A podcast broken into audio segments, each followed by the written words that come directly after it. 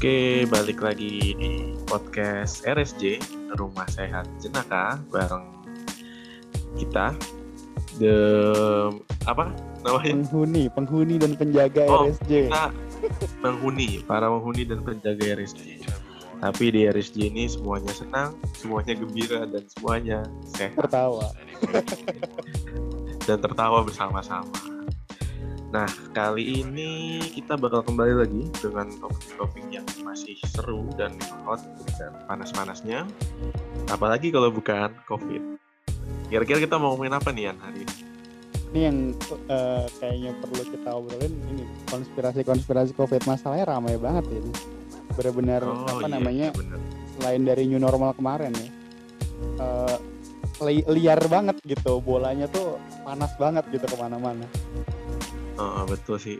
Karena contohnya ya kayak yang kemarin ramai kan kasus termometer, terus kasus eh, masalah klaim itu klaim dari katanya kalau misalkan meninggal dapat sekian ratus juta atau ada yang udah meninggal itu kan ramai banget tuh dan nyebarnya nggak cuma di medsos ternyata tapi nyampe ke eh, WhatsApp atau ke aplikasi chat mungkin atau ke mana-mana dan itu membuat semakin sulit dikendalikan informasi-informasi ini dan jadi bahaya juga kalau nggak ada yang meluruskan apa sebenarnya fakta di balik tuduhan-tuduhan maupun teori-teori konspirasi. Kalau lo yang menurut lo seru apa nih? Konspirasi apa yang menurut lo paling paling wow deh gitu yang ini yang kayak lo gatel banget gitu sama konspirasinya tuh yang mana nih? gue gatel ya gue gatel tuh ini pak yang termometer pak. Masalahnya namanya mirip nama gua pak Jadi lo merasa sebagai sesama Iksan dia menurunkan itu ya menurunkan pasaran nama Iksan jadi kelihatan kurang itu ya kurang Ih. scientific. kaget maksudnya eh, gimana ya gue sebenarnya belum nonton videonya sih nggak nggak nonton videonya lebih tepatnya waktu Oh, belum nonton Terus, full ya, maksudnya Iya. nggak nonton lengkapnya ya. eh, maksudnya eh, dalam konteks apa dia diwawancarai obrolannya tuh sebenarnya ngomongin apa gue nggak tahu cuman yang gue udah lihat itu eh, cuplikan dari omongannya dia terkait dengan termogan ini kan. Di mana Oh, eh, iya, di iya. situ sama Pak Helmi Yahya ya si eh, dokter ya ini dokter profesor apa dokter ya? Lupa. Dokter deh kayaknya. dokternya pokoknya ya jadi eh, bapak Iksanuddin eh, Nursi ini dia menolak menggunakan termogan di kepala karena merasa ada bagian dari alat pendeteksi suhu tubuh itu yang bisa merusak jaringan tubuh gitu dia bilang Oh, pakai iya. headgun tapi saya nolak terus terang. Kalau anda mau periksa bukan kepala saya tapi sini gitu. Sambil dia ngomong sininya nunjuk tangannya dia. Nah dia Oh, bilang karena betul. headgun termometer itu fungsinya untuk meriksa kabel panas. Lasernya jadi ada laser dipakai untuk meriksa kabel panas bukan untuk memeriksa temperatur manusia. Dan kita katanya ya udah terima-terima aja. Mereka jual padahal mahal gitu. Katanya juga dengan alat ini eh, apa namanya lasernya tuh kita nggak tahu gimana eh, apa, eh, dia ngerusak. Mungkin aja bisa ngerusak eh, fungsi otak kayak gitulah. Struktur otak kita rusak kayak gitu-gitu. Jadi dia nggak mau gitu kan. Oh, Oke oke itu waktu gua denger pertama gua kaget juga. Maksudnya kayak wah masa begitu gitu? Maksud gua kayak ya memang termo termogan kan banyak ya. Maksudnya nggak cuman kita pakai di setting Hmm. klinis juga nggak cuman di medis ya. Di industri di level industri pun mereka juga pakai termogan gitu Eh, tapi sebelumnya untuk eh, biar orang-orang nggak los nih ya, kita Heeh. kasih keterangan dulu. Ini tuh yang ngomong kan Iksanuddin Nursi Mm-mm. yang memang merupakan seorang pengamat umumnya di bidang ekonomi. oh Dan iya betul. statement ini tuh eh, dan statement ini dikeluarkan pada video YouTube-nya Helmi Yahya ya. iya benar-benar Hmm, dan sampai sekarang masih ada di YouTube. Jadi statement itu memang masih bisa masih terpampang sampai saat ini. Nah, terus kan tadi udah dijabarkan ya istilahnya apa sih sebenarnya yang dia sampaikan. Nah, terus sekarang menurut lu yang istilahnya dari teori ini yang paling ngaco tuh bagian mana? menurut gua jadi ini kayak gini sih kayak apa ya mungkin kayak half truth kali ya maksud gua kayak sebenarnya ada benarnya gitu ada benarnya dalam arti eh, termometer termome- termogan itu ada yang pakai laser iya gitu tapi bukan berarti eh, yang apa namanya otak kita ditembakin laser kayak gitu juga gitu jadi jadi ngaconya tuh karena uh, dia menyamakan indu, uh, menurut gue ya dia menyamakan industrial level uh, termometer dengan uh, termometer yang kita pakai di klinis gitu. Hmm, betul betul. Itu sih yang ngaco walaupun uh, beberapa gue gue juga jadi iseng kan. Maksudnya gue juga nggak nggak sehebat itu mengerti banget nih uh, cara termometer tuh hmm. ke sadar gimana kerjanya gimana. Tapi memang gue lihat di luar pun termometer juga termometer industrial uh, ada yang iseng make buat kepala juga gitu loh.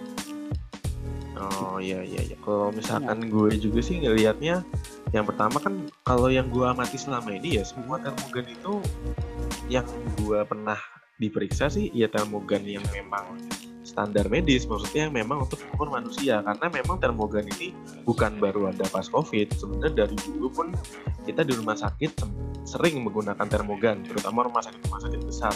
Iya, karena yang... memang dia kan ada pembulannya. Pertama dia lebih cepat. betul. Uh, lo bayangin ketika di mall nih orang masuk 100 orang dalam satu waktu terus lo mau pakai termometer yang dijepit di ketek kira-kira lu butuh berapa jam buat periksa semua orang itu pada dijepit di ketek dulu lagi kalau misalkan orangnya keringetan atau bau Betul. lu harus bersihin dulu termometernya atau lu harus nyediain 100 termometer. Iya jadi nah, resiko kesian, kontak kesian sapam ya? Iya resiko infeksinya juga tinggi lah. Kontaknya kan banyak banget dari pas uh -uh. dari orang A pindah ke orang B pindah ke orang C gitu Betul betul. Jadi pertama emang dari segi handy kepraktisan jauh lebih praktis termometer tembak dia kerjanya cepat. Yang kedua yang paling penting adalah dia itu non kontak sifatnya jadi dia tidak perlu menyentuh langsung kulit si manusia yang diperiksa. Nah karena dia non kontak, otomatis risiko penularan COVID-nya juga lebih rendah. Soalnya kalau misalkan kontak, kan kita semua tahu ya kontak erat itu atau dari benda-benda itu virus COVID itu kan bisa menempel. Nah kalau misalkan orang dari jidat ke jidat dipindahin, ya udah nular dong dia. Kan gak lucu banget loh masa gara-gara ditempel di jidat lu kena COVID. Kayak kagak ada harga nah, diri juga karena covid kalian kan sedih. Kagak ada harga diri ya lagi. Ya maksudnya kesian banget. Orang misalkan kena covid kenapa oh saya perawat nih saya di garis depan saya tertular dari pasien-pasien saya. Terus ada juga saya ini saya petugas kebersihan. Saya kena karena saya bekerja pindah-pindah rumah tiap hari. Eh giliran sendiri anda kenapa kena covid? Oh karena jidat saya ditempel termometer. Ya kali masih gara-gara itu. Makanya jadi itu sebenarnya tujuannya juga itu. Yang kedua tuh dia karena tidak perlu nyentuh itu nah terus juga yang tadi lu singgung bener ya mesti dia bukan dari industrial jadi bedalah guna beda bedakan untuk manusia dan industrial. Apalagi ternyata ya setelah gue baca lasernya itu ternyata tidak tidak tidak menembus apa apa laser itu sebenarnya hanya sebagai penanda. Iya betul. yang kamu seperti itu. Karena memang titik itu juga penting. Kenapa diperiksa di kepala? Karena di kepala itu ada pusat pengatur nah kalau misalkan diperiksanya di pusatnya otomatis hasilnya salah satu yang paling akurat. Karena kalau nggak di paha yang akurat ya di ketek dan juga di lubang anus ya masa iya. lo mau ditembak di anus. lubang anus uh, uh, kan nggak enak tuh masa lo mau masuk mau nungguin semua ngantri. Kan kagak mungkin kayak gitu. Akhirnya dipilihlah yang paling aman dan paling nyaman buat semua orang. Tapi ada aja tuh orang yang membuat teori-teori gak masuk akal ya yeah. hitungannya. Kalau yang dari gua tahu ya uh, apa namanya termometer termometer klinis yang kita pakai biasanya buat ngecek suhu tubuh pasien tuh uh, biasanya itu memang udah FDA approve biasanya jadi memang dia udah di approve sama uh, eh, FDA buat dipakai dalam setting klinis gitu. Jadi biasanya pun uh, mereka nggak semuanya pakai laser gitu. Jadi ada juga yang cuman uh, ngebaca sensor apa namanya radiasi infrared doang gitu loh. Jadi dinyalain tuh cuman nyalain sensornya doang. Jadi nanti dia nerima apa namanya ya infrarednya dibaca kira-kira berapa temperaturnya gitu. Sebenarnya oh, jadi nggak iya. nggak yang kayak oh ini uh, dia menembakkan sebuah uh, energi yang bisa merusak struktur gitu enggak karena sebenarnya juga kerjanya sebagai sensor bukan emitting suatu energi gitu bukan ngeluarin suatu energi gitu ya, jadi ya pokoknya intinya buat kalian-kalian semua nggak perlu takut diperiksa di kepala karena pasti nggak ada efek-efek samping yang buruk apalagi merusak otak segala macam jadi santai aja iya, nggak perlu takut. bener, bener kalau mau diperiksa itu intinya nggak ada dampak buruknya. Jadi jangan percaya oke okay, sama yang kayak gini-gini. Nah terus sekarang kita lanjut aja nih. Ke selanjutnya kalau menurut gue kayaknya yang gue tertarik tuh yang itu yang di Twitter yang rame. Jadi yang kalau nggak salah jadi Surabaya. Yang ada mau jadi selebgram itu ya? iya betul. Ada seorang netizen yang bernama Balkis. Jadi suatu ketika dia bikin rame. Bikin rame karena dia dalam tanda kutip dia tuh menuduh ada beberapa rumah sakit yang istilahnya mengambil keuntungan dengan cara yang tidak etis bahkan dengan cara yang kayak wow kayak jahat banget gitu dari pasien covid ini. Nah kalau misalkan itu pertama kasusnya kita bahas dulu nih. Jadi dia itu awalnya di twitter dia ngepost suatu foto fotonya itu adalah foto screenshotan dari HP-nya yang isinya kurang lebih pertama rumah sakit W mau merekayasa hasil swab jadi yang tadinya negatif mau dibuat positif yang kedua, RSS dan M suntik mati pasien COVID. Karena kalau disuntik mati, pasien COVID-nya dapat uh, rumah sakitnya dapat uang sekian juta, kalau nggak salah ratusan juta. Yang ketiga, mobil jenazah yang membawa pasien COVID dapat 15 juta per jenazah. Yang keempat, pemerintah menargetkan 70 juta jiwa meninggal. Nah, intinya tuh itu statementnya. Sekarang coba kita telah dari statementnya ini gue dari baca sekitar saja udah mikir emang kita ada duitnya ya kalau mau kayak gitu gue gue dari poin pertama aja gue udah mikir maksudnya kalau misalkan lu mau nge-swab, kita swab kita kan juga bukan yang lu nge-swab terus lu baca di rumah sakit kan. Tapi lu ngirim ke suatu center yang di center tersebut tuh dibaca gitu. ya kan? Oh, jadi yang baca biasanya bukan rumah sakitnya itu Betul. Dan kemudian ketika lo ketika lo kirim ke center tersebut, lu mau ngirim aja tuh syaratnya banyak banget kan kayak lu kayak gue pengalaman gue ya kalau misalkan gue mau nge pasien ya itu tuh bener-bener harus ngisi form banyak banget gitu loh yang sampai kadang iya, ada iya, iya. ada yang sampai minta tanda tangan banyak banget tanda tangan dokternya minta tanda tangan saksi minta tanda tangan uh, pasiennya kayak gitu. Tergantung dari center uh, yang mau lu kirimin sampelnya tuh uh, center yang mana gitu. Cuman intinya adalah untuk lu nge-swab aja tuh ribet banget gitu. Sekarang lu mau merekayasa pun gimana kalau misalkan uh, swabnya uh, ditanganinnya tuh di center lain gitu. Dan lu uh, dapat kabar dari center tersebut karena teman bukan yang kayak lu di, di tempat lu ngecek apa ngambil sampel uh, keluar hasilnya dari tempat yang sama gitu kan nggak kayak gitu. Uh, jadi mungkin banyak orang yang mengira nih atau netizen-netizen yang belum paham dikirain periksa sampel itu cairannya lu taruh nih di gelas terus lu kasih zat-zat untuk memeriksa lu tuang terus warnanya warna berubah. gitu. Yoi. warnanya berubah. Oh kalau warna merah covid kalau warna putih berarti Aman. golkar gitu. Enggak kagak kayak gitu ya. Jadi uh, aturannya tidak sederhana itu. Jadi kayaknya kalau mereka yasa apalagi nggak ada buktinya ya. Dia kan cuma omongan tuh. Kan nggak ada bukti foto apalagi video apalagi apa kesaksian juga nggak ada. Jadi kayaknya hampir nggak mungkin sih kalau mereka saya itu dan untuk apa juga mereka ya di saat yang positif aja udah banyak apa yang tambah-tambah lagi.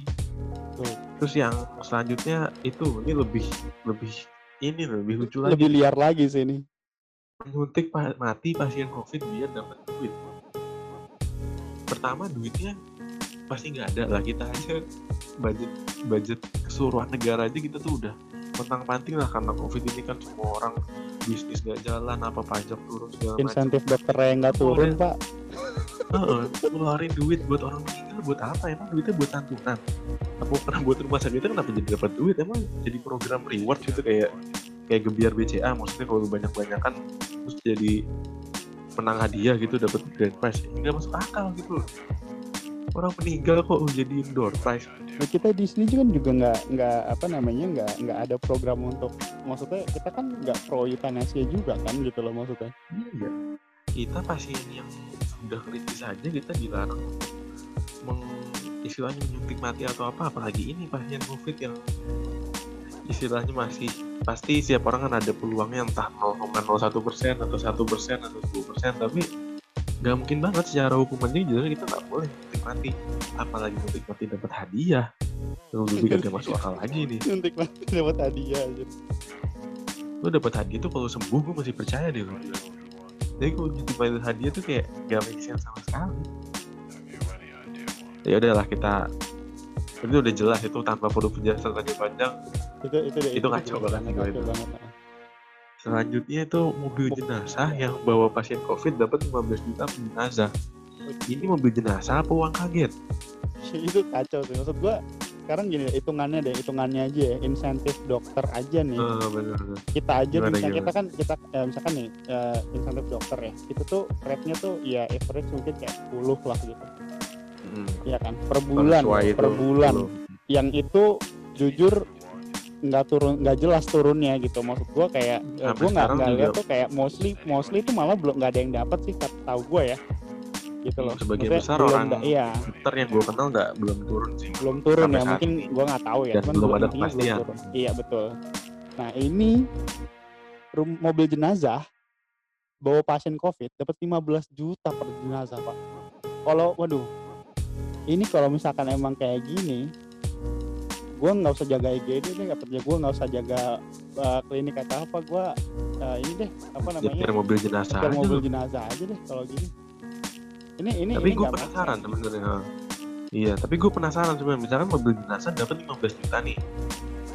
Itu 15 juta ada target waktunya nggak ya? Maksudnya mungkin lu kayak main dan das nih yang das.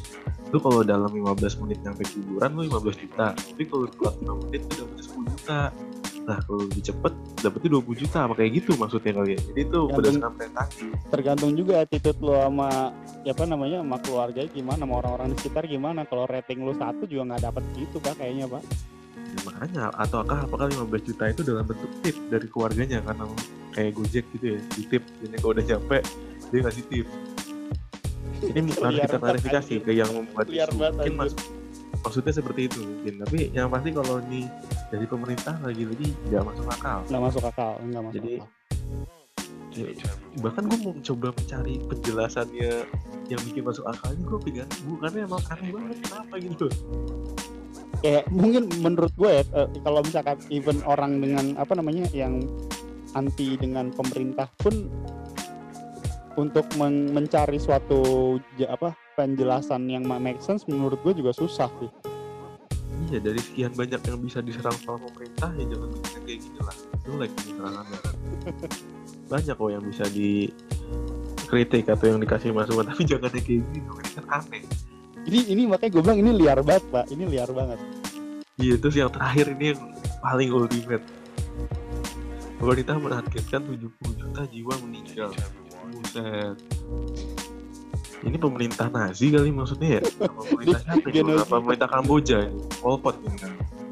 Genosida anjir. Ini 70 juta jiwa meninggal.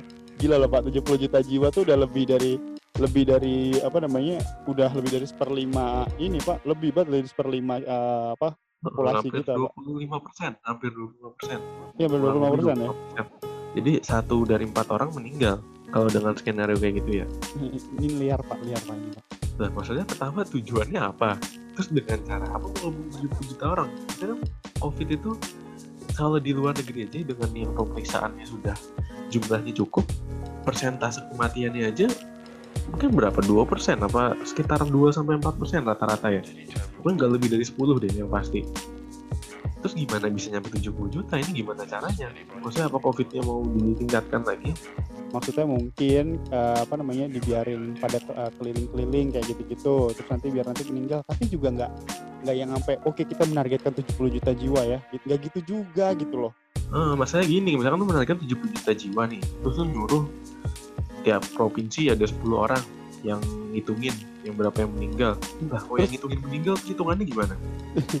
terus lu Bingung. berharap harus ada ini ya harus ada laporannya gitu bagaimana pak bu- minggu ini Iya. berapa orang yang meninggal pak gitu terus kalau misalkan kurang dari target di ini anjir dipotong gaji anjir Nah iya makanya kalau misalkan dia bener aja tuh gue pelaksanaannya bingung. Tapi kalau dia bisa yang membuat teori ini punya penjelasan, berarti hebat juga kemampuan pikirannya. Harusnya berarti sangat luar biasa atau pikirannya sangat sangat lapang. Jadi itu mampu pikiran kayak gini, karena gue gak kepikiran Ini- gimana. mungkin butuh diajak ngobrol di rumah sakit eh rumah sakit rumah sehat jenaka ini di RSJ kita Iya, ya. ini harus harus masuk RSJ nih yang membuat teori seperti karena menarik pola pikirnya nih. Saya memang belajar kenapa bagaimana bisa seluas itu pola pikirnya. tapi ya udah kita udah ya intinya nggak masuk akal lah ini Ya, bener-bener ya, ini kan nggak ada nggak ada Tapi- hal baik yang bisa gue ambil dari sini tapi si Ya si gitu.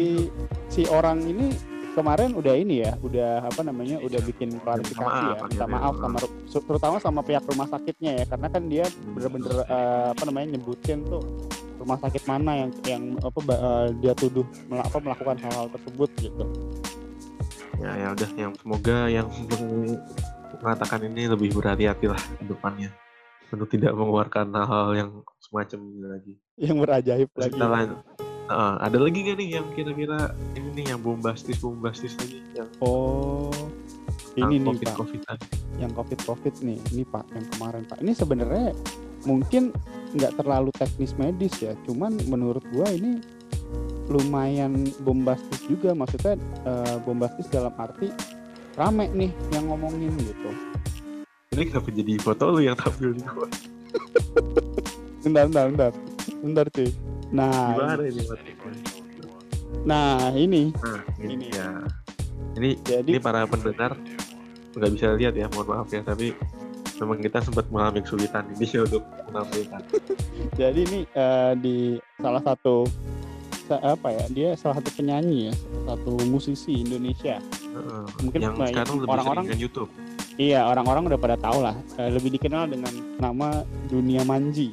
oh udah pasti pada tahu lah Udah pada pada, pada tahu lah. Jadi dia di mana dia waktu itu nge repost eh, foto foto salah satu fotografer Indonesia yang jadi eh, apa namanya kontributor ke National Geographic. Iya ke National Geographic ya. Betul Iya ke Net Geo Net waktu Geo. itu. Eh, jadi yang dia waktu itu pertanyakan adalah tiba-tiba secara berbarengan fotonya diunggah katanya oleh banyak akun-akun berfollower besar dengan caption seragam. Nah, eh, dia merasa kok ini seperti ada key opinion leader ya. Nah, terus habis itu banyak akun-akun berpengaruh yang menyebarkannya. Yang eh, apa namanya? yang biasanya dilakukan yang mungkin familiar dilakukan oleh orang-orang agensi atau influencer buzzer gitu-gitu. Terus yang eh, dalam kasus Satu. kematian, ya yang itu yang pertama ya. Yang kedua Hmm, yang dia pertama. bilang dalam kasus kematian yang katanya korban CVD, ini CVD ini maksudnya COVID ya, tapi sebenarnya CVD itu bukan COVID ya. Jadi Iya, eh, ini juga agak kata. ini ini ini perlu diklarifikasi juga pokoknya. Jadi eh, keluarga keluarga aja nggak boleh nemuin gitu pasien COVID. Ini kok bisa seorang fotografer malah boleh? Kok merasa ini agak aneh artinya? Atau mungkin eh, si dunia manji yang sedang aneh dia bilang.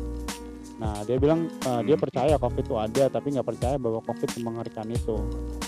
itu yang Kalau dia ketiga dia dia bilang saya menulis CVD karena malas menulis menulis COVID gitu.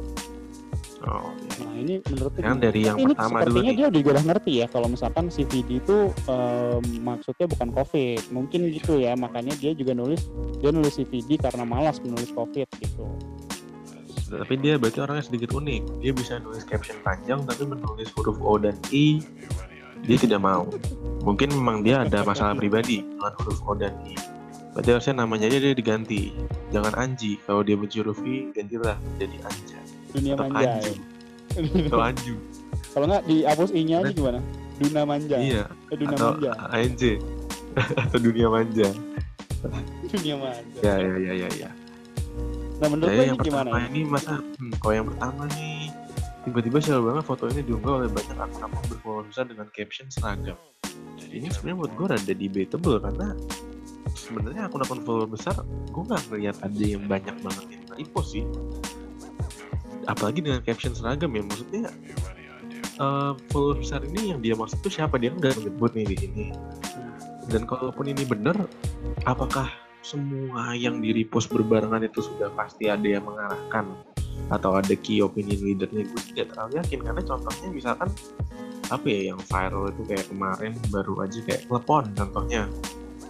Telepon secara penelitian memang hmm, telepon itu kan awalnya memang eh, diteliti ternyata kemungkinan itu buatan. Cuman kalaupun itu buatan mungkin aja yang awal-awalnya itu dia emang sengaja mengepost itu untuk mem- membentuk isu ya. Tapi kan yang setelah itu maksudnya yang orang-orang itu apa yakin semuanya di delete oleh satu key opinion leader? Gue ada nggak yakin? Apalagi untuk ini ya ini kan memang sempat besar sekali nih foto ini dulu sempat ramai banget. Dan yang repost itu pun orang dari kalangan yang berbeda-beda banget. Maksudnya ada yang memang dia aktivis ada yang memang mungkin praktisi media ada yang selebgram seleb tweet atau influencer apa seleb YouTube seleb MySpace seleb semuanya blogspot maksudnya dengan profil orang yang sediverse itu masa sih itu digerakkan oleh key opinion leader? Apalagi kalau kita ngelihat itu emang secara nilai foto ya itu foto yang powerful sih. Maksudnya kan itu foto istilahnya foto yang menggugah banget gitu yang wajar sekali kalau orang jadi ramai ngomongin karena yang begitu foto bernilai ngomongin gitu kalau menurut gue. Jadi aneh aja kalau misalkan dikiranya ada key opinion dan kalaupun ada key opinion leadernya terus apa gitu maksudnya di, menurut dia opinion leader ini gunanya untuk apa? Untuk biar orang jadi takut. Menurut gue nggak terlalu dia jadi takut juga karena yang udah takut ya memang takut. Yang nggak takut ya tetap nggak takut sih ngeliat foto itu. Kayak rokok aja gitu. Emang rokok bungkusnya serem gitu orang jadi berhenti. Kan enggak enggak juga. Jadi kalau misalkan dengan foto itu sedikit rambut takut-takut kayak ya lah rokok aja nggak berhasil lah di foto ini doang? Mana ada takutnya orang Indonesia mah ras pilihan bro nggak ada takutnya. Iya, dan, jadi nggak uh, ada nggak masuk sih menurut gue nah, dan Kalau- gua agak apa namanya itu gua setuju juga sih maksudnya gini uh, kalau misalkan dibilang ada key opinion leader menurut gua enggak ya maksudnya kalau gua nggak nggak melihat nggak memandang seperti itu karena tadi yang lu bilang diverse uh, apa namanya populasi orang-orangnya gitu maksudnya backgroundnya tuh beda-beda gitu. Yang juga mau gua luruskan di sini keluarga ya apa kasus di mana dalam kasus covid keluarga aja nggak boleh nemuin kok bisa seorang fotografer malah boleh. Nah jadi sebenarnya di dalam dunia fotografi itu ada namanya medical fotografi itu ada gitu. Eh, di mana memang di eh, di disiplin tersebut emang eh, fotografer fotografer yang kerja di situ emang fungsinya eh, mereka mendokumentasikan eh, suatu pengalaman-pengalaman medis gitu. Jadi apakah misalkan itu suatu teknik teknik operasi ataupun misalkan em, apa namanya suatu penelitian, studi atau Oh, gimana. oke, Jadi memang kerjaan mereka untuk mendokumentasikan hal tersebut gitu. Misalkan kayak Hmm. pasien jiwa. Eh, lu mau lihat nih eh, mukanya dia tuh gimana sih aspek yang datar tumpul tuh kayak gimana gitu kan. Nah, fotografer medis tuh ada buat ngefoto itu gitu. Jadi untuk mendokumentasikan hal tersebut gitu. Dan eh, kasus kayak gini jadi itu kenapa dan orang-orang yang foto apa fotografer fotografer kayak gini tuh memang mereka udah eh, di dalam tanda oh apa ya dalam dalam standar tertentu mereka udah dibekali eh, apa namanya suatu standar-standar di dalam dunia medis gitu. Misalkan contoh eh, safety untuk diri mereka gimana sih di dalam suatu ruang operasi misalkan. Nah dalam kasus covid ini ya gimana fotografer tersebut bertindak berlaku eh, dan juga mengamankan dirinya dalam satu setting medis ini gitu. Walaupun dia bukan orang medis gitu loh. Jadi ya oh iya. nggak aneh sih kalau menurut gua dia uh, dat- masuk ke sana terus mendokumentasikan hal tersebut. Dan dokumentasi yang dilakukan itu kan juga bukan suatu dokumentasi untuk mencari suatu apa publikasi bagi dirinya yang kayak intinya bukan kayak oh biar hits atau apa gitu kan. Tapi kan dia memang seorang fotografer jurnalistik bagi National Geographic gitu dan ketika dia mau memposting ini uh, menurut gue ya ini menurut gue ya, ketika dia mau, mau memposting foto tersebut itu pasti udah ada ini dong udah ada apa namanya uh, konsen dulu terus udah ada kayak uh, izin dulu lah gitu. Jadi nggak ujuk-ujuk diambil foto kayak lu selfie atau misalkan lu main ke mana lu foto tapi lu update. Kan nggak kayak gitu gitu loh. Di balik itu pasti ada prosesnya gitu. Jadi kalau menurut Iya. gua uh, apa namanya untuk nomor dua ini mungkin dunia manji yang aneh. Maksudnya dia mungkin belum tahu tentang itu gitu. Oh, jadi semoga aja setelah banyak mendapat kritikan dan saran dia jadi tahu. Oh iya. Dia Terus logikanya dia ini simpel kemarin gitu. habis habis apa namanya? Habis nge mengklarifikasi lagi. Jadi setelah ini mereka eh dia ketemu sama ketemu, online ya kayaknya Oh, iya, jadi sama fotografer-fotografer gitu-gitu. Jadi dia kayak bilang eh, jadi memang dia udah mengerti gitu. Dan dia eh, poin-poinnya tuh apa. Jadi juga katanya sih dia eh, apa namanya eh, intinya nggak mau bikin rusuh gitu. Cuman dia mempertanyakan saja nih gitu. Emang begini? Jadi dia katanya sudah dapat jawaban ngomongnya gitu. Oh soalnya logikanya simpel sih sebenarnya yang nomor dua ini. Sama aja kayak misalkan contoh fotografer perang fotografer perang juga yang wartawan perang itu juga wartawan masuk emang keluarga yang perang pada ikut itu pada nontonin. Misalkan mbak istrinya sama anaknya nonton oh, bapaknya perang itu di sampingnya. Ya kagak kan ya karena buat keamanan ya sama kayak kesehatan juga sama tidak dibolehkan karena buat keamanan lah. Sedangkan si wartawan atau fotografer memang sudah resiko pekerjaan mereka sudah misalnya memang komitmen pekerjaan mereka harus berada tempat resiko ya udah let them. Tapi kalau lu mempertanyakan malah kesannya bilang ini aneh ya mungkin emang ketidaktahuan itu yang membuat jadi aneh. Dan menurut gua menurut gue ini penting loh. Maksudnya fotografer kayak gini tuh penting loh. Karena ini yang nanti di masa depan tuh uh, akan jadi suatu bukti buat pelajaran uh, orang-orang orang-orang di masa depan gitu sekarang contoh kayak kita belajar tentang Spanish flu gitu. Gimana sih keadaan waktu apa namanya pandemi Spanish flu zaman dulu tuh? Kan oh, kita kan ngeliat tuh foto-fotonya ya. Iya kan? Kita kan ngeliat foto-foto oh dulu tuh kamarnya kayak gini ya bangsala begini beda sama bangsal sekarang gitu. Jadi kan lo bisa belajar kenapa sih dulu masalah uh, apa namanya sampai segitunya kenapa uh, dan kita bisa belajar apa dari situ gitu. Misalkan contoh uh, di foto oh kamarnya kayak gini. Mungkin standar yang dulu sama standar sekarang beda kan? Jadi ketika lu ngelihat uh, fotonya oh berarti kita jangan pakai jangan standarnya kayak gitu gitu misalkan. Jadi bisa dipakai sebagai sebuah apa namanya studi lah gitu di masa depan. Oh, betul betul ya udah sih ya paling kalau soal manji ya semoga aja memang waktu itu memang niatnya benar-benar tulus dan pure untuk mempertanyakan yang meresahkan di pikirannya. Tapi semoga aja setelah dia dapat klarifikasi sekian banyak orang ngasih tahu dia akhirnya dia jadi bisa punya sudut pandang yang baru dalam menilai masalah-masalah ini.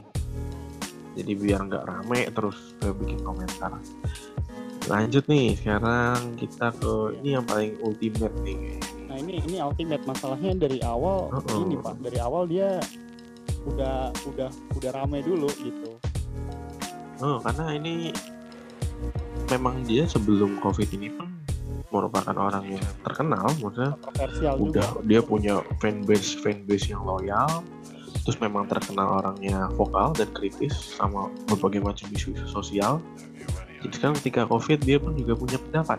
Nah sayangnya pendapatnya unik. Unik. Siapa ya. lagi kalau bukan Jering.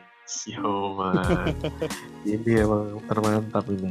Iya, Tapi gue secara pribadi loh ya, gue tuh nggak nggak pernah benci loh sama Jering. Maksudnya karena menurut gue emang ya udah emang mungkin dia emang orangnya seperti itu ya gue kan gak kenal pribadi tapi kan ada orang yang kayak sentimen banget sama dia kok gue sih biasa aja malah kadang gue ketawa lihat captionnya dia karena emang dia bagus loh dalam hal penulisan ya. Maksudnya bukan masalah kontennya benar apa enggak nih tapi konten penulisan dia itu menarik loh iya cara nulisnya dia, dia punya ciri khas yang dia doang yang, yang iya. kayak gitu cara nulisnya. gue setuju itu. Uh, cara nulisnya dia tuh khas. Dan jadi jadi lu ngelihat baca tuh lu tahu gitu oh ini ini yang nulis si ini nih gitu dan unik menurut gue memang.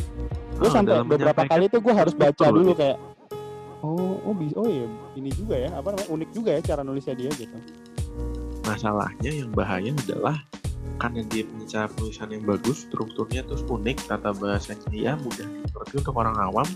Jadi resiko misinformasinya itu besar banget karena dia punya influence, dia kemampuan uh, public speakingnya atau bikin caption itu bagus. Nah ini berbahaya karena jadi misleading banget orang-orang yang membaca dan mempercayai dia. Dan dia berani pak. Oh, banyak banget nih. Uh, iya, berani dia berani. banget pak, benar pak. Jujur sayangnya mungkin beraninya ya kurang tepat ya kalau misalnya iya. jadi informasi nah dia saking banyak ini kita tuh sampai bingung mau bahas yang mana tapi mungkin kita bahas dari yang yang terhangat sih yang terbaru apa sih yang yang keluar dari pendapat seorang jadi apa hmm. ya pendapat Gue bacain ya. ini sebenarnya nggak terakhir sih cuman oh ini masih hari iya, ini terbaru, sih yang terbaru, terbaru sih terbaru. ini ini 9 jam lalu jadi dia bilang anak-anak yang notabene memiliki paru-paru lebih sehat dibanding orang dewasa saja dilarang maskeran karena beresiko meninggal akibat sesak. Lalu orang dewasa yang paru-parunya tidak sesehat anak-anak kok malah dipaksa maskeran. Uh, Gates dan WHO nah, selalu bacot tentang second wave. Uh, jika semua orang dipaksa maskeran terus-menerus ya sudah pasti akan banyak korban berjatuhan dan di covid kan. Apakah itu yang mereka maksud dengan second wave? Saya makin tidak percaya nakes yang gugur divonis karena COVID-19. Faktor APD masker stres telah jauh lebih masuk akal. Ada dokter atau ilmuwan yang bisa bantu jawab bagaimana menurut blog dokter. Uh, ini dia nge uh, dia nge-refer juga ke uh, nah, pikiran rakyat rakyat.com ya. Ya, jadi ada judulnya Inggris larang anak-anak. Iya, Inggris larang anak-anak pakai masker peraturan pemerintah ditetapkan hari ini. Nah, sekarang kita bahas deh satu-satu opininya si Jerings. Yang pertama apa tuh tadi? Anak-anak yang notabene kan... paru paru-parunya lebih sehat dilarang pakai masker oh, di Inggris ya, ya ini dia ngomonginnya berarti. Oh, ini di Inggris. Kalau orang nah, dewasa lagi, kok malah disuruh pakai masker uh, gitu. Menurut gua kalau yang statement ini lagi-lagi karena yaitu ketidakpahamannya Jerings akan sistem fisiologi manusia. Pertama, statementnya anak-anak memiliki paru-paru lebih sehat dalam konteks apa dulu nih lebih sehatnya?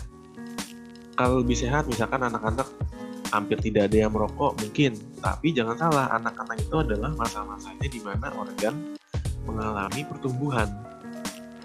Jadi sehat mungkin, mungkin lebih sehat, tapi secara kesempurnaan organ, anak-anak itu belum sempurna organnya. Mulai dari atas sampai bawah tuh semuanya masih dalam tahap beta istilahnya. Beta Jadi ya masih, ya? Uh, masih beta, beta phase. Jadi dibilang sehat ya lagi-lagi debatable karena emang sehatnya definisinya apa? Nggak merokok sehat. Tapi kalau belum berfungsi sempurna ya nggak nggak sehat juga. Jadi ya lagi-lagi ya ini menurut gue ya udah udah salah dari statement awalnya aja yang menjadi pijakan dia itu dia udah salah karena menurut dia anak-anak lebih sehat. Padahal kenyataannya secara fisiologi manusia anak-anak belum lebih sehat. Karena apa? Karena belum sempurna sistem-sistemnya. Terus juga kan ada kalimat karena berisiko meninggal akibat sesak. Justru karena anak sistem belum sempurna dan risiko sesaknya lebih tinggi dari dewasa. Kalau dewasa kan sesak karena penyakit misalkan ya penyakit paru asma terus kebanyakan kebanyakan merokok apa segala macam itu kan akhirnya bikin sesak. Tapi kalau anak-anak ada yang memang karena dia belum sempurna nafasnya jadi ketika ketutup masker ada anak-anak yang bisa aja mengalami resiko tak bisa nafas jadi kan ya itulah maksudnya memang beda sama-sama sesak tapi penyebabnya beda. Yang satu karena istilah gaya hidup yang satu karena belum sempurnanya organ-organ. Jadi udah salah nih dari statement yang pertama. Kalau menurut lu gimana? Kalau yang selanjutnya gimana? Yang mana? Yang second wave yang bawahnya itu? Hmm kalau itu kan ini kan sebenarnya masih masih itu ya masih satu topik ya, bahasan. iya masih topik Uh, kalau menurut lu dengan second wave kira-kira apa nih korelasinya nih maksud kalau, dari Jering? Jadi gini, uh, kalau misalkan dari yang gue tangkap ya dari apa yang Jering omongkan itu gara-gara semua orang dipaksa maskeran terus menerus, terus jadinya pasti banyak korban yang berjatuhan dan akhirnya di covid kan. Nah, orang-orang yang berjatuhan dan di covid kan waktu memakai masker ini, gara-gara memakai masker ini apakah itu yang dimaksud dengan second wave gitu kalau menurut gua pertama ini ini liar banget ya maksud gua gini uh, orang dipaksa maskeran sampai dia apa, banyak sampai akhirnya banyak korban yang berjatuhan. Menurut gue itu liar banget maksudnya.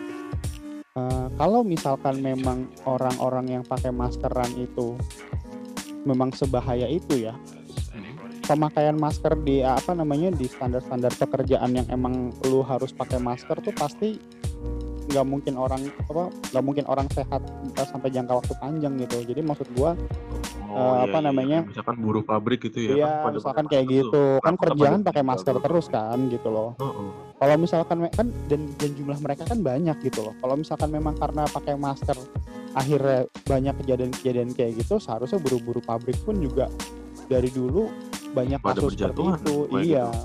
terus habis itu setelah berjatuhan dia bilang di covid kan gitu. nah ini balik lagi sama kayak yang kita tadi omongin uh, sebelumnya kita omongin tentang Balkis ini. Ini juga sama ini juga agak liar juga menurut gua. Nah terus tapi kalau menurut gua second wave itu bukan itu. Second wave itu adalah uh, suatu peningkatan kurva uh, pasien COVID-19 lagi karena transmisi baru gitu. Maksudnya transmisi baru dalam arti kan uh, ya muncul klaster baru atau klaster baru ya seperti itu. orang-orang yang habis fase inkubasi mulai muncul iya. gejala-gejala ya kayak, itu akhirnya jadi second wave.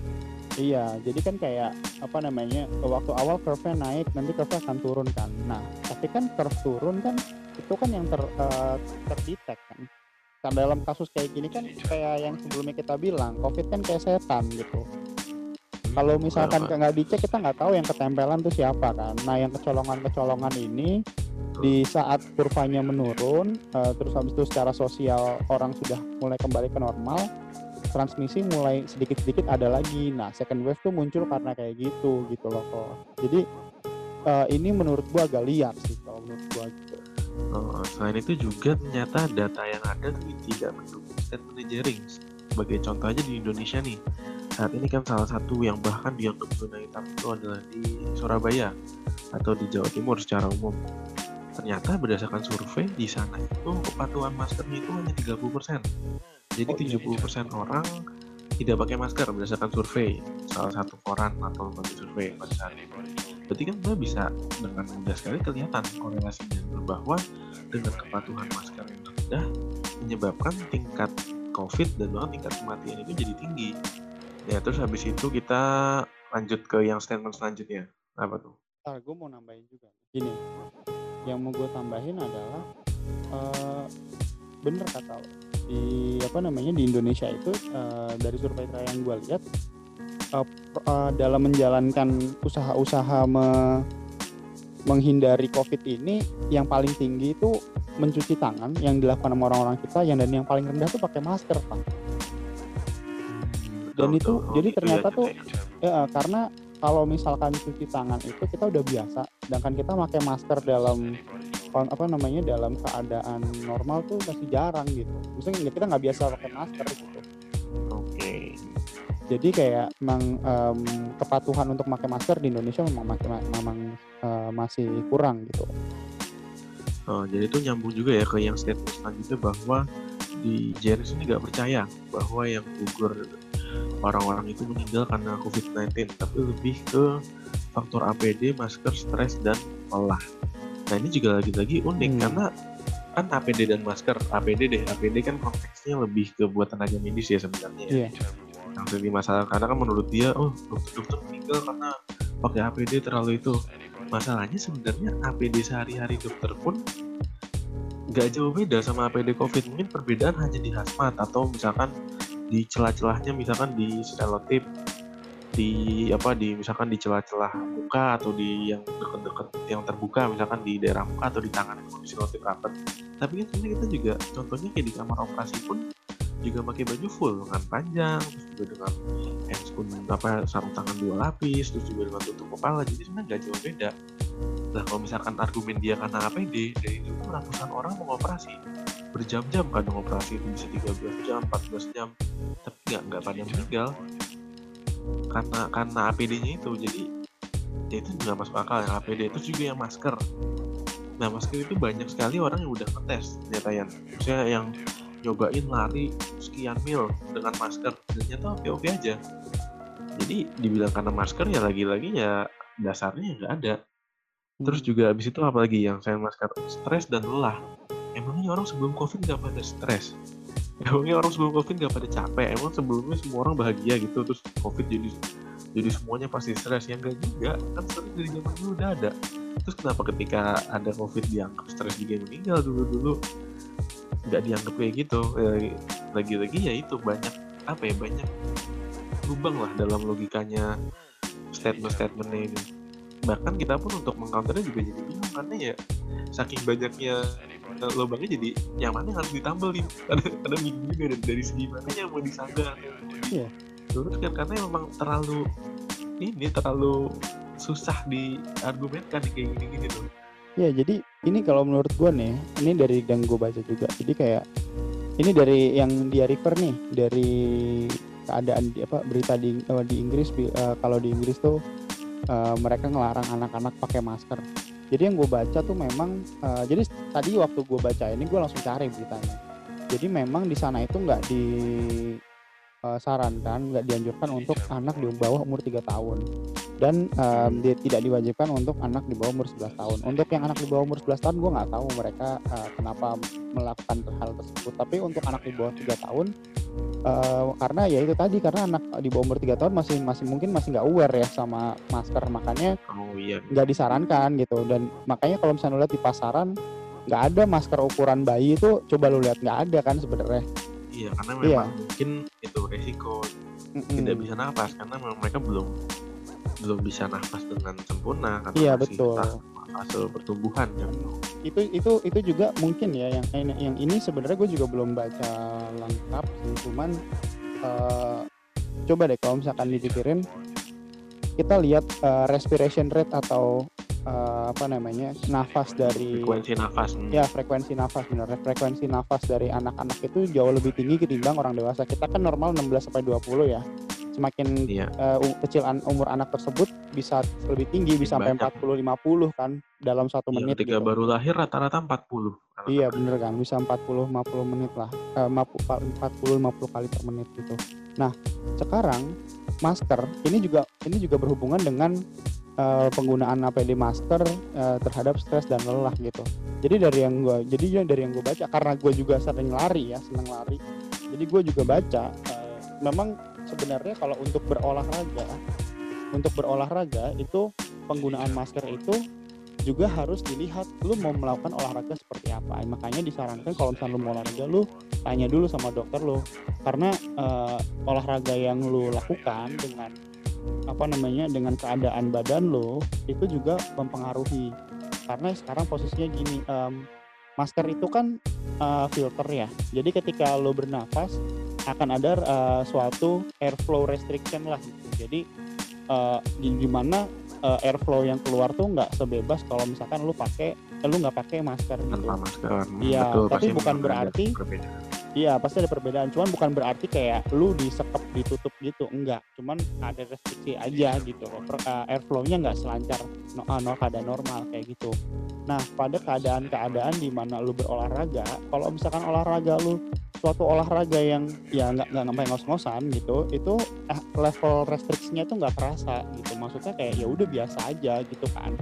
Makanya kalau misalkan memang dalam keadaan badannya normal, paru-parunya normal, fungsi fisiologi tubuhnya normal, eh, dengan masker yang kan ada tuh masker yang sport yang jadi restriksi level apa res- kayak yang lu bilang tadi sampai bermil-mil sampai berkilo-kilometer dia nggak nggak masalah gitu kan. Nah, itu kan Betul. dia pakai masker-masker itu tuh yang apa restriksi airflow-nya eh, minim yang buat sport gitu. Nah itu nggak masalah gitu nah tapi memang mungkin beberapa kasus di mana ada orang eh, yang misalkan orangnya PPOK nih gitu kan dia tangkepan apa namanya kadar oksigen levelnya dia jelek gitu. terus eh, restriction airflow-nya terbatas ya mungkin itu juga ya kalau misalkan disuruh lari kayak gitu juga berat juga dia lari nggak pakai masker aja berat gitu apalagi kalau misalkan ada restriksi airflow sedikit gitu makin kerasa gitu kan kita tapi dengan catatan tadi emang orangnya sakit pak gitu kan. Bukan orang Jadi, sehat oh, gitu. betul, betul. nah sekarang Intinya kalau misalkan menyesuaikan lah ya. Iya bener intinya menyesuaikan gitu loh. Menyesuaikan jenis masker yang sesuai Iya, dengan bener. intensitas olahraga yang sesuai. Intensitas bener intensitas aktivitasnya jadi makanya bukan artinya kayak dibilang paru-paru yang tidak sesehat anak-anak kok malah dipaksa maskeran. Ya sekarang konteksnya bukan lu disuruh pakai maskeran. Misalkan lu PPOK lu suruh maskeran terus lu disuruh lari gitu kalau misalkan lu dalam konteks biasa aktivitas biasa ya kan nggak masalah gitu. Karena eh, lu nggak ngos-ngosan. Jadi ketika lu narik nafas ngebuang nafas ada waktu untuk restriksi airflow-nya tuh selesai gitu loh. Jadi airflow-nya nggak nggak nggak nggak ngumpul. Jadi udah bisa kebebas ke udara dulu gitu. Jadi lu kan nggak ngerasa jadi nggak ngerasa ada hambatan gitu. Ini ini menurut gua eh, logikanya tadi bolong maksudnya bolong dalam arti eh, bukan 100% bolong tapi konteksnya yang nggak bener. Maksudnya dia mungkin ngomongin ini dia ngomongin ini dalam konteks eh, umum. Padahal mungkin eh, berlakunya hanya pada konteks-konteks di mana tadi orangnya sakit terus dipaksa untuk melakukan aktivitas yang berat gitu. Hmm, Oke oke. Kayaknya udah ya, udah cukup apa nih, udah cukup eh, banyak kita membahas soal jerisnya ini. Ya semoga mungkin orang-orang yang sudah mendengarkan, yang udah dengerin podcast ini bisa lebih punya sudut pandang lain dari semua teori-teori konspirasi yang beredar yang rame. Pokoknya saran dari kita sih jangan segera langsung percaya betul apalagi jika yang ngeluarin teori itu atau yang ngeluarin statement itu orang yang tidak berkompeten di bidangnya. Iya. Kalau yang berkompeten musik, aja masih lu tanyain gitu ya kan Betul. Kalau soal musik silahkan dengarkan Anji Jering karena mereka lebih paham. Tapi ketika soal kesehatan, dengarkanlah dokter, ahli kesehatan masyarakat, dan orang-orang yang memang lebih kompeten lainnya. Jadi jangan sampai sekian banyak informasi malah membuat kita jadi tersesat. Tapi harusnya kita lebih pandai untuk milih-milih yang mana yang harus kita dengar dan yang mana yang nggak perlu kita masukin ke pikiran. Kayaknya udah cukup ya Yan ya kayaknya untuk yang saat ini ya. Iya. Nah, Oke, makasih banyak semuanya udah mau dengerin Rumah Sehat Jenaka. Dan pastinya kita akan kembali lagi dengan topik-topik yang lebih seru. Kalian juga boleh banget request apa topik yang mau kita bahas di sini, yang kira-kira menarik kira-kira untuk menarik. diperbincangkan ya. betul Heeh. Yang penting tetap jaga kesehatan dan juga apa ya pesan lo nih buat para pendengar kita nih. ya Para apa ya? Mereka penghuni, para penghuni Para- RSG para, gimana? iya, para penghuni RSG. Eh, jadi pesan gue adalah eh, jangan sampai berita-berita yang liar yang ada di luar itu eh, mengurangi awareness lu terhadap eh, pandemi ini. Jadi jangan sampai lu jadi lengah, jangan sampai lu jadi santai. Jangan Betul. takut, tapi juga jangan menyepelekan. Gitu. Iya, tetap waspada yang penting. Waspada tapi jangan over. Oke, sampai ketemu lagi di episode selanjutnya. Bye.